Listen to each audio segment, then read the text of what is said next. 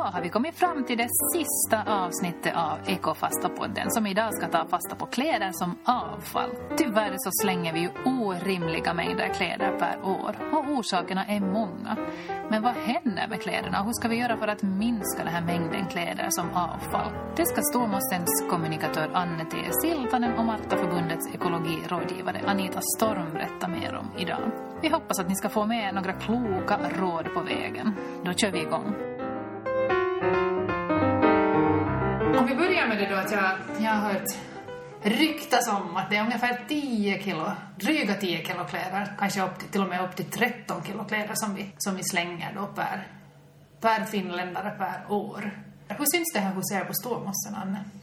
Egentligen när jag sitter och tänker på det så det är väldigt få som ringer och frågar vad de ska göra av sina kläder. Så jag tror att många har det här väldigt på klart på något vis eller gör sig av med kläderna på något sätt utan att behöva råd i alla fall. Mm. Kläder som man kastar i en, en vanlig skräptunna hemma, alltså i brännbart avfall, går ju till förbränning.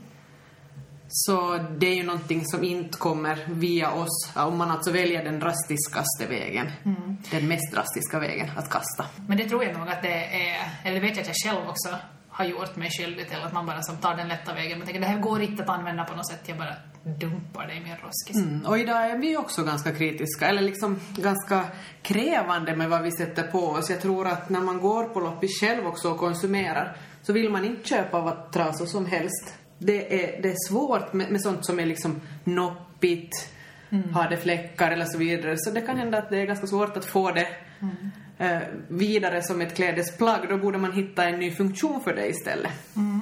Men det ska man komma ihåg när man pratar om avfall, att det är alltid sista utvägen att kasta.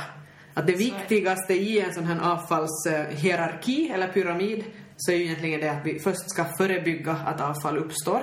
Och det betyder ju som ni kanske har pratat om här innan i den här podden också, att man helt enkelt har sin garderob på ett sånt vis att det inte uppstår klädavfall.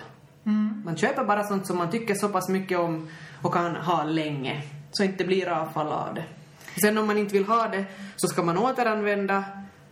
Funkar det inte att återanvända, ingen vill köpa det på loppis, ingen vill ha det, så ska man materialåtervända. Eller då sista utvägen då att kasta, då det blir det till energi det är ju ofrånkomligt i något skede så, så måste kläder liksom kasseras.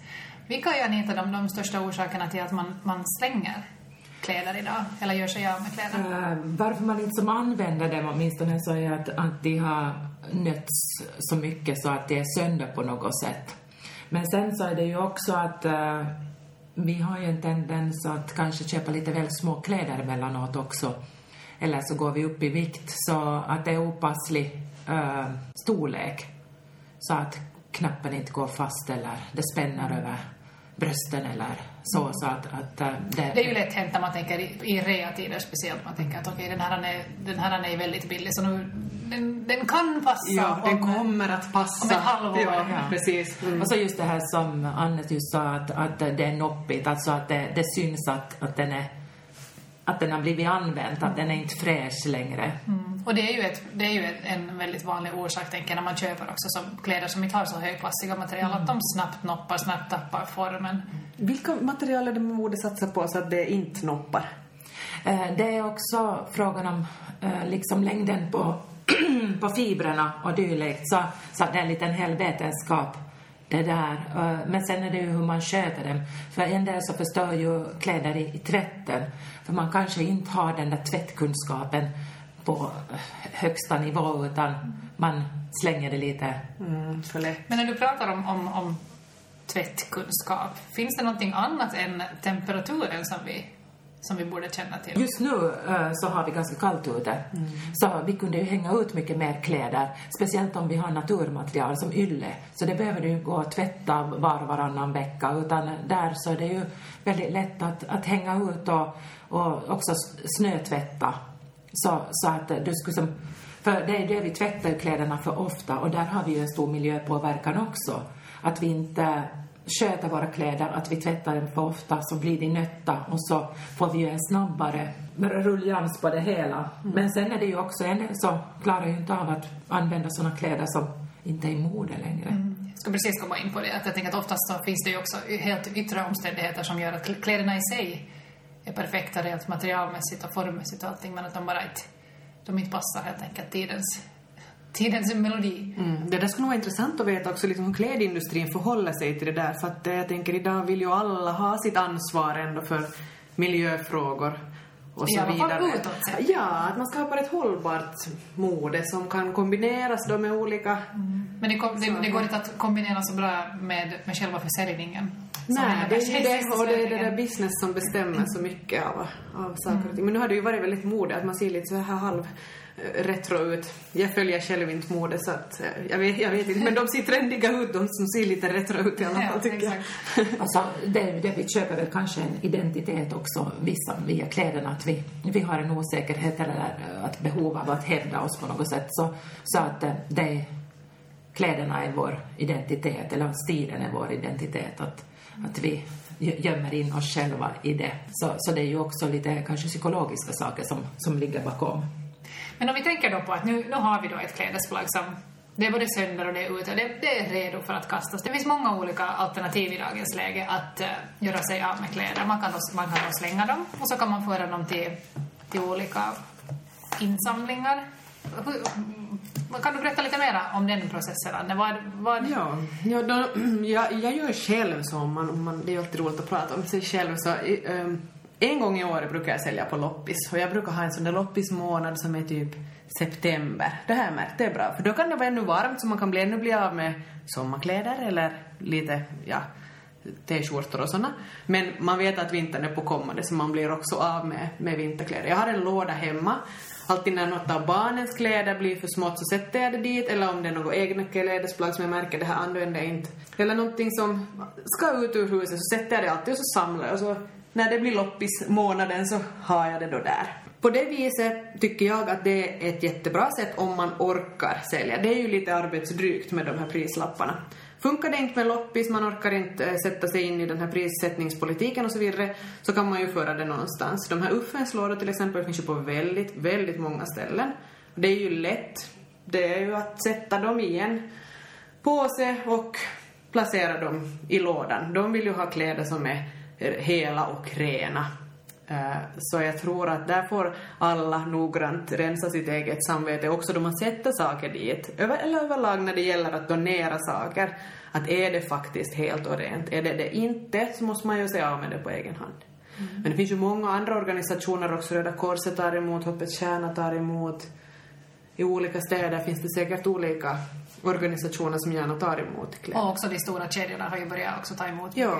Att man kan, mot någon form av belöning så kan man lämna in att man får till exempel en, en check på fem euro. Mm. Det som jag tycker är synd i det där, eh, att, att man får den här då belöningen, så är den att vi kommer inte bort från den här grundproblematiken, att vi konsumerar för mycket. För har man den där 10 procent, vad det kan röra sig om för procent att man får, kanske det lockar till att men jag tar den här tröjan på vägen ut. Och, och då är vi ju, då har vi inte löst problematiken. Men låt oss se om det, det är absolut inte helt rent utan det måste... Var, hur, hur sorterar man kläder sådär? Det lägger man som brännbart avfall, eller blandavfall, det heter lite olika beroende på var man bor i Finland. Men hos, hos oss... eh, Så i princip är den här helt vanliga roskisen hemma? Yes. Under diskbänken Ja. trycker du in dina Och då jeans. blir det alltså till energi och återvinning, det blir till fjärrvärme och el. Men där skulle man ju också kunna tänka på, eh, jag kommer att tänka på min, min farmor, för eh, hon klippte ju eh, kalsonger och allt möjligt till dammtrasor. Så, så det är ju också att eh, du kan ju göra en redo på, på det där eller kanske någon, du känner någon som gör saker. Så, så att om det finns en, en ryggsida på, på skjortan som ännu är hel så kanske du kan, det kan kanske återanvändas till någonting. Så det finns ju den, det alternativet också.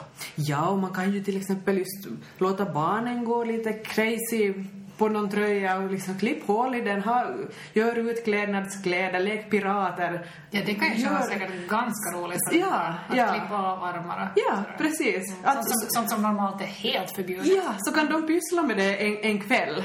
Och så, fine, om det sen därefter är dags då för skräpis, men då har ju ännu någon fått lite glädje ur det där plagget. Jag har kanske lärt sig lite om, om, eh, om det resmar eller om det händer ja, saker. ja, undersökt och experimenterat Så lite. man får lite materialkännedom där också. Men jag ska visa er en fin bild på vad man kan göra med eh, det här är alltså av en gammal eh, villakangastacke, alltså en, en yll, ylle, Yllejacka. yllejacka. Ja. Så har man gjort, flätat ihop och gjort eh, underlägg. Heter det gryt? Ja, grytunderlägg eller precis, grytunderlägg är det här. Så det blir ju jättesnyggt och det är ju ett sånt material också som inte liksom rispar eller så. Kommer ni på några andra spontana användningsområden för avlagda kläder? Nå, trasor och många som har... Man kan ju typ täta upp om man har ett otätt hus. Kan man ju trycka lite.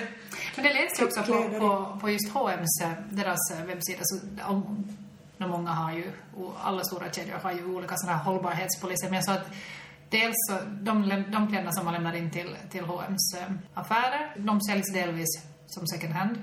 Och sen görs vissa också till, till trasor. Och sen några som, jag ska se vad det var, till textfibrer som används till isolering. Det finns ju också så att i princip om det är bra kvalitet och det är ungefär 100 procent av en viss eh, av ett visst material så kan man göra två typer av uh, återvinning på det. Och det är ju att man mekaniskt river sönder det och, och, och gör nytt av det. Och man har ju börjat på med just sådana här ljudisoleringsskivor och dylikt. Så, så just VTT och, och dylika så gör en hel del utvecklingsgrejer på det. Men sen också kan man lösa upp dem kemiskt, till exempel då viskos eller dylikt. Och du kan ju få ett bättre tyg av det än det ursprungliga. Eh, men det är ju det, var ska det här... ska precis var, men var lämnar man in de, var Eh, får det- man de kläderna? Eh, Det är ju det som är det här nya, att, att vi borde hitta system, logistiksystem, för man har gjort tester då i, i Åboland kri- kring det här, att samla in och gjort sorteringsguider och, och, och utbilda människor i det. Så, så vad som lönar sig och inte. Och så är det ju det att man behöver ju inte skriva ut alla gånger eh, exakt vad som innehåll, innehållet är. Du kan, det kan stå 100 procent, men det kan vara 2-3 procent av någonting annat. Materialet i kläderna alltså? Ja, och det gör det att det blir svårt. Och någonting som, som gör det här återvinningen också problematiskt, så det är det här elastan, lyckra, eller som, som gu- gummit. För, för då, det ställer till med återvinningen. Så vi borde egentligen satsa på, på kläder utan, utan stretch.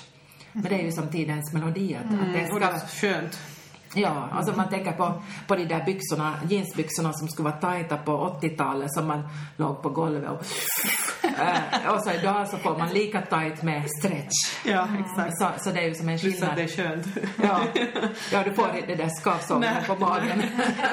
Men du kanske är inne också lite på den här Telaketjun som nu finns i Finland. Alltså ett projekt där man helt enkelt går in för att undersöka huruvida man kan eh, i framtiden återanvända fibrerna ur textiler. Det görs tillsammans med Sverige också har jag förstått. För Ja. att eh, de mängder som vi eventuellt skulle kunna samla in i Finland blir för små. Därför måste man ha lite Jag sa- tänkte, för samarbete. det som du sa så var ju att det, i dagsläget så bränns kläder samman. Och Så då, då finns det ingen, ingen återvinning. Och om man Så tänker på hur stor miljöbov ändå textilindustrin är, Mm. så det känns ju som en jättebra, jätte, jättebra grej, grej Mm. om det skulle kunna komma. Det känns lite sent till och med. Om man tänker hur utvecklat allting är, varför, Mm. varför har inte det här kommit tidigare? Ja, men jag tror att, att eh, dels modeindustrin är som så inne på det här slit och släng och att, att vi ska köpa nytt varje år eller varje säsong och nu blir det där säsongerna bara till två veckor och så ska det vara, vara något nytt. Att, att det är så snabbt det här så vi borde ju egentligen gå tillbaks till någon slow fashion för det har ju varit otroligt fast fashion. Och, och eh, det är ju också kanske att, att ta upp det ännu mera med barn och ungdomar och, och lära dem liksom ett eh, sundare syn på, på Men det kommer ju hela tiden, tycker jag nog ändå, en, att det här med hållbarhet inte bara är en trend utan att det verkligen som, det finns med i medvetande Jo, hos, hos yngre personer. Jo. Men den där själva liksom, att föra den här tekniska utvecklingen framåt, så det, där märker man ju att där tar det tid.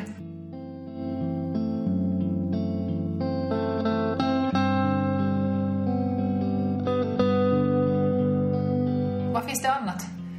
Förutom det ni just pratade om här. Vad, vad kan man i framtiden tänka sig att... Vilka trender anar ni?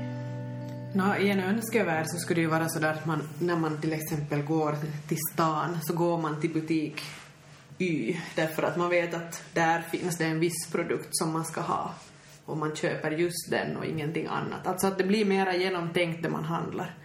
Att, att inte sån här filis-shoppande och spontana saker, att såna lite skulle komma bort. Att man skulle kunna tänka mer ansvarsfullt hela kedjan ut. Ja, så där så kanske också att, att äh, bli du med dig själv att köpa de kläder som, som du verkligen behöver.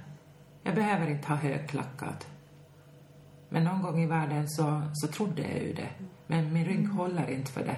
Så det är ju det där önsketänkande också, att man, man tror att man ska gå klädd i någonting annat än vad man egentligen... Och sen att tänka på, på olika faktorer, att som bekvämlighet eller materialvärde. Jag kan ju inte köpa någonting utan att, att liksom känna det mellan fingertopparna. Så jag har ju problem med, med jag kan inte shoppa på nätet kläder på det sättet för att jag måste veta, eller så är det något märke då som jag vet har just den där rätta fingertoppskänslan. Jag hoppas ju att, att vi ska kunna använda det här ullen som bränns eller slängs eller grävs i Finland. Det börjar bubbla kring ullen nu just.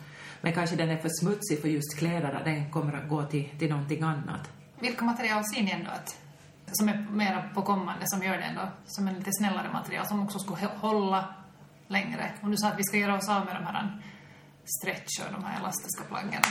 Ullflis är väl ganska populärt. Ja. Att, att just det här som ersätter flisen, som är så en stor miljöbov på så många olika sätt. Mm. Den i alla fall. Eh, jag har ju, jag är väl kanske lite sådär ännu mer önsketänkare, så jag tror ju, jag skulle hoppas på hampan.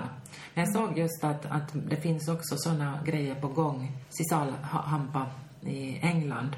Sen så satsar man ju hårt på att, att eh, få från träfibrer. Men där är det ju det, man måste ju komma ihåg att, att där behövs en hel del kemikalier och, och processer för att omvandla träfiber till kläder. Så att eh, det måste vara bra uttänkta system och om vi gör det i Finland så har vi bra lagstiftning. Eh, vi, har, vi har koll på kemikalierna, de släpps inte ut eh, i någon dricksvatten och, och så utan att vi har ganska slutna system och man ska ju hoppas att, att det ska bli ett helt slutet system där kemikalierna ska kunna återvinnas. Sen är det ju mängden vatten, det går, kemiska processer går det oftast mycket vatten åt. Mm. Men just hampa och lin, så de kan ju odlas hos oss eh, långt norrut, kräver ingen bevattning som, som till exempel bomull, kräver inte just något eh, bekämpningsmedel, behöver inte så mycket liksom gödning.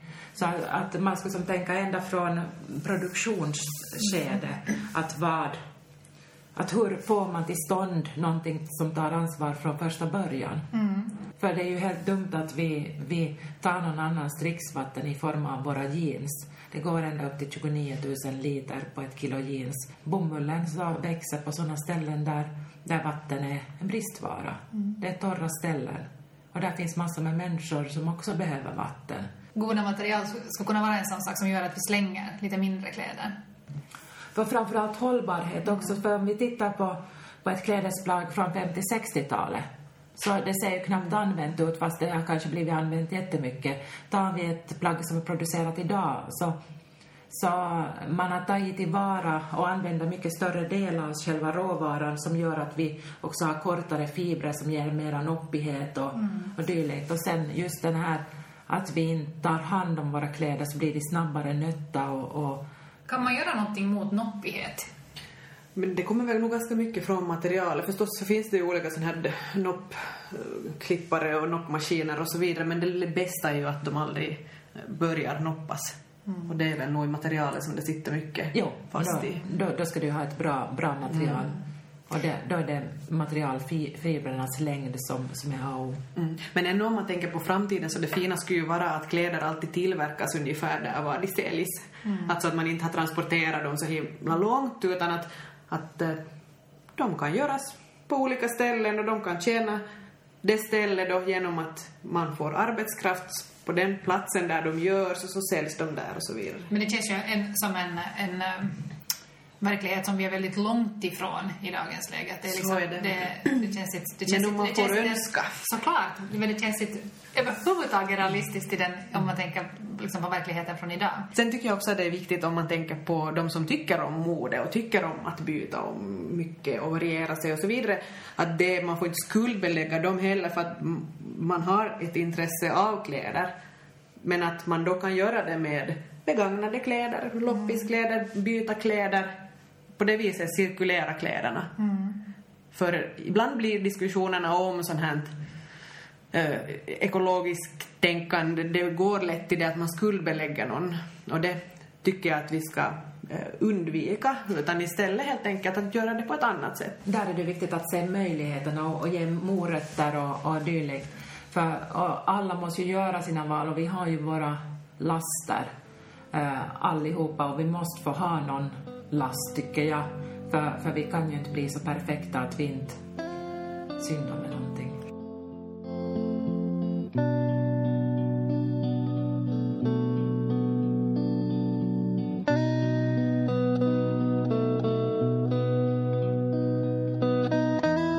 Jag kommer aldrig att kunna få min garderob nu inom kort. Allting är i hampa och allting är i ull. Utan vi tänker att jag har de kläder som jag har. Hur kan jag liksom i min vardag just nu se till att mina kläder håller så länge som möjligt? Och att min egen liksom, garderob skulle vara så, så hållbar som möjligt. Kan ni ge några sådana liksom, tips på vägen hur jag ska tänka framöver? No, jag tycker att ett riktigt sånt där enkelt basgrej är det att, att man har ordning på sina grejer. För jag vet någon gång då jag har städat ur garderoben och sen satt in allting snyggt så här och rätt upp och sen så här, oh men jag har ju en del kläder i alla fall. Alltså om man har ordning på sina saker så upplever man kanske att man har lite mera kontroll över situationen och det kommer inte det här, jag har ju ingenting, nu springer jag efter någonting snabbt. Så det är en sån där riktigt sån där starta här, ordning på grejerna. Och så, då är det kanske också lite mer inbjudande att gå in dit i skrubben också. Ah, men det här ser ju snyggt ut och så vidare. Att det är riktigt sån här basic, där, därifrån det far. Och just sådana här kläder som, som är gjorda för att hänga på en hängare så att du hänger upp dem och, Oh, ja. inte, och, och inte ka- kastar dem eller bollar in dem i, i någon skåp. Eh, Och också kanske det där att idka lite fläckborttagning och inte bara för att det kommer en liten fläck att du kastar dig i tv- tvätten för det utan att lite fläckborttagning, att man kanske stryker någonting eller att man funderar på att sy fast de där knapparna när de börjar lossa så de inte hinner lossa någonstans på vägen och du har inte den där knappen kvar. Alltså ge kläderna lite kärlek så ger de kärlek tillbaks. Ungefär liksom så. Och det där är också att om, om du har om det finns som en story bakom ditt di klädesplagg, om du har tillverkat den själv eller eh, gjort någonting och det fixat till, klippt av ärmarna och gjort någon annan typ av... Så, så, så där så skapas den här relationen till plagget och det gör att du, du kan vårda det och tycka mycket mer om det än om det är bara ett slit och släng som, som du nu bara köpte för att kanske jag skulle ha det någon gång. Mm. Och på tal om att tycka om, det här är min absoluta favoritkofta. Den här är köpt när jag väntade mitt första barn i Köpenhamn hösten 2012.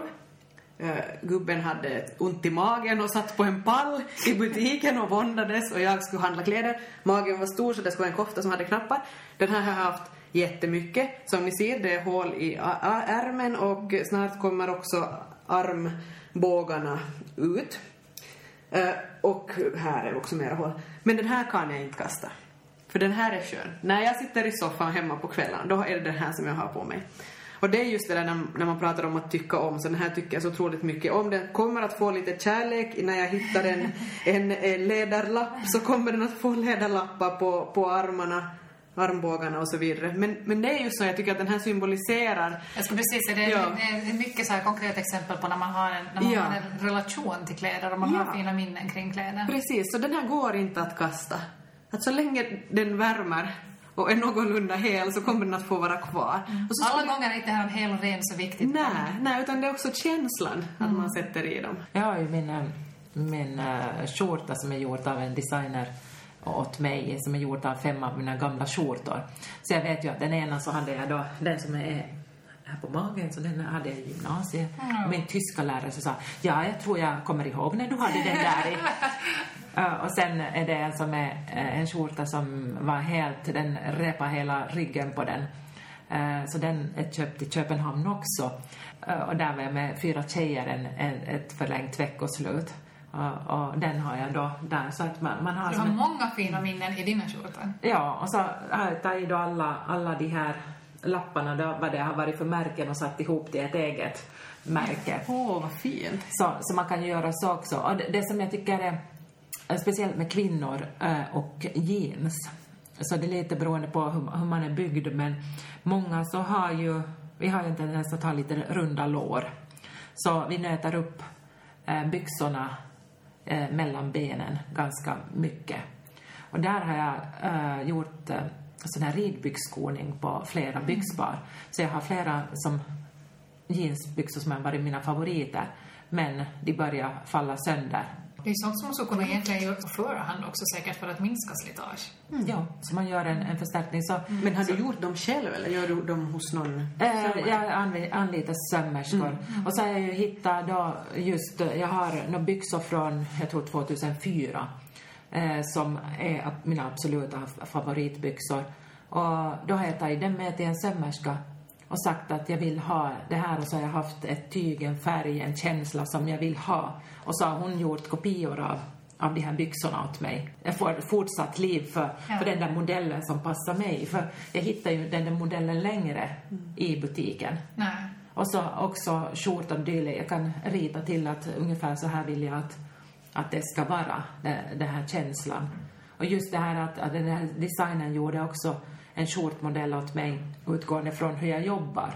Att jag behöver ha ungefär tre fjärdedels ärmlängd, jag behöver täcka in magen lite, eh, det ska vara lite ner på benen, det ska vara rymligt, det ska vara, men ändå lite stil i det. Mm.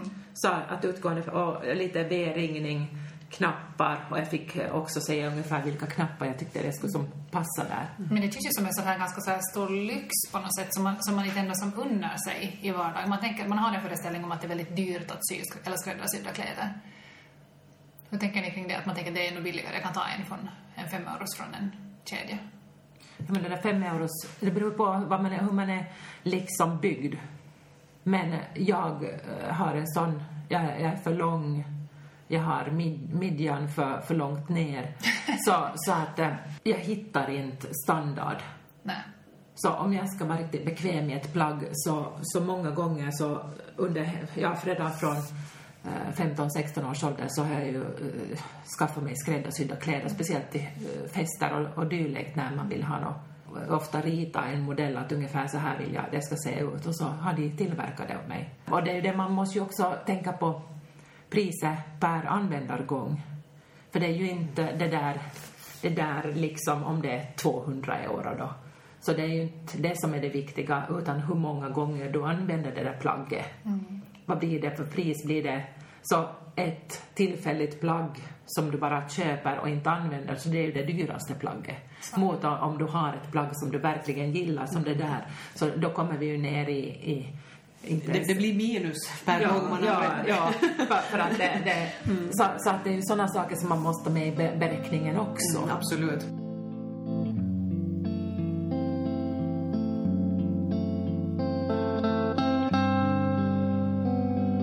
För det är ju många gånger så, så kritiserar de ju att, att ja, men om man köper på loppis och så, så driver vi ju inte ekonomin och, och gynnar inte området.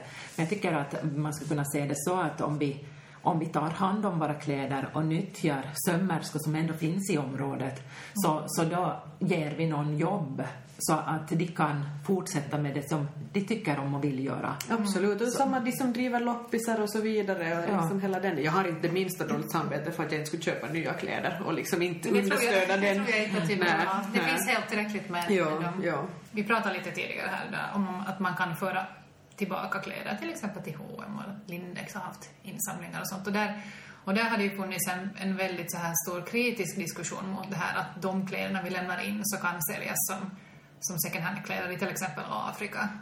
Och jag såg någon, några siffror som, som sa att till och med 80 procent av de kläderna som, som säljs i Afrika idag är importerade från väst, våra second hand-kläder. Som då har lett till att liksom den där lokala klädindustrin har, har slagits ut helt och att det har uppstått jättestora såna här arbets, arbetslöshet. Hur ser ni på den här frågan? Man, man, man vill ju gärna uppmuntra till återbruk men att det är ju, alla gånger så är det ju inte kanske det bästa heller. Mm, men där har jag nog stora förhoppningar på den här Tela Ketjo och att man ska kunna återbruka det textilfibret på ett vettigare sätt. Man tänker också miljömässigt och börja skeppa iväg alla kläder. Vad det innebär till exempel i, i Afrika, vad gör de med våra vinterkläder? Kanske inte så mycket. Mm. Alltså sådana saker. Det är ju en del som har stängt uh sina länder och tar inte emot. För, för ja. vi har ju, västvärlden har ju dumpat i princip kläder dit. Och det skulle vara mycket bättre att vi skulle som verkligen ta hand om de där eh, för, för det som jag pratade om tidigare också, att det är det där vattnet, det krävs resurser för att producera det där materialet. Sen har någon då sytt det, det har kanske transporterats mellan olika länder. På ett ställe hade fått dragkedjor, på en annan ställe hade fått något färgtryck. Så det är enorma mängder resurser som är satsat i det här plagget. Om vi bara använder det en gång och sen bränner upp det så är, är det ju inte försvarbart. Det skulle vara väldigt viktigt att det skulle återvinnas, det här materialet, efter att vi är färdiga med vår och att det skulle som kunna bli... mer så här cirkulär ekonomi i allting. Ja, för där, där behöver vi verkligen det för att inte så mycket resurser ska gå till spillo. Bränningen vet man ju att också H&M fick mycket kritik för att de bränner många sådana liksom, såna skadade produkter och sånt som går direkt till och som var så kemikalieskadade att de inte går att, att säljas längre. Ja, och där så kan man ju börja fundera på då, hur mår de där? De som har gjort, gjort det. Ja. Och äh, då, då är det ju det att äh, är vi egentligen villiga att ta det där moraliska ansvaret som, och är det etiskt att vi har någon annan att förstöra sin hälsa på grund av att vi vill ha billiga kläder? Och svaret är ju nej. Svaret är nog definitivt nej. Ja. ja. Men tänker vi på det när vi går nej, där i butiken, nej, så, så där, mm. där är det ett stort gap. Ja. Men man hoppas att det nu liksom, i, i framtiden växer upp en sån generation med människor som inte ifrågasätter så mycket av sådana här miljö och frågor. Till exempel vår femåring som sorterar bioavfall. När han går till skräptunnan hemma så frågar han är det bio eller brännbart? Då tänker jag att vad bra att han frågar och vad bra att han lär sig det nu. Då blir det liksom inga konstigheter för honom när han är äldre. Och kanske det är lite så också med kläder att vi nu lär barnen, liksom vi går på loppis och handlar, det är helt vanligt, att det blir som en del av framtiden som ingen ifrågasätter. Mm. Så nu när vi köpte slalomhjälm begagnat på loppis så frågar han hemma sen sådär att vem, vems namn står det där? Så jag, ja, det står Edith. Så han, ja, var det hon som hade hjälmen före mig? Så mm. ja, det var det. Och det var inget konstigt med det. Jag tror att kanske jag vet inte, eventuellt så skulle jag ha tänkt annorlunda när jag var barn. Då... Ja, då var ju loppis någonting som man tänkte som, som, som var liksom lite dåligt. Ja, eller det var, ja.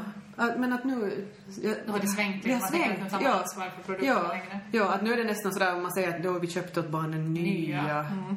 Mm, så man måste lite förklara då att vi hittar inget begagnat. Det fanns inte, jag har sökt jättelänge. Men sen med, med sådana där grejer så har det ju uppstått sån här rent a plug, alltså att du kan ta allting. Att du behöver egentligen... Klädbibliotek helt ja. enkelt. Det är ju otroligt bra. Jag tänker i stora städer generellt så där, där måste ju fungera jättebra. Men klänningar och festkläder och sånt som man inte använder kanske så, så många gånger på det där.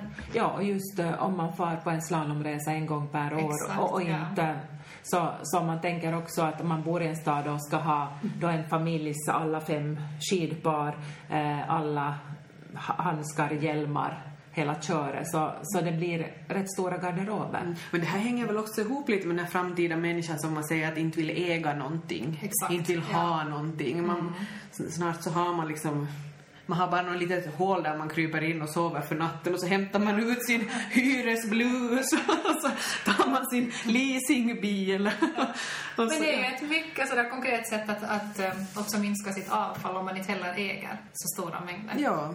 Kommer vi att fortsätta slänga så här stora mängder textilier per år? I alla fall hoppas man ju att den här kurvan mattas av, att den inte i alla fall stiger mera utan att det börjar mattas av och att man hittar på bra sätt att ta tillvara det som inte längre behövs. Men att det viktigaste är ju att man i gör så att de här bergen med kläder inte uppstår. Alltså att man tänker igenom sin konsumtion. Att man börjar i den ändan. Vi behöver ju inte gå så jättelångt tillbaks för att minska det med, om vi skulle gå tillbaks till eh, vad vi hade 1990. För vi hade inte så här stora mängder och, och det är ju det, sen dess så har ju de här billiga kedjorna kommit in så, så att eh, Men som enskild konsument så känner man ju sig många gånger ganska så här maktlös för att, som i dagens läge nu som du säger, att det bränns mycket av de kläder som jag lämnar in då.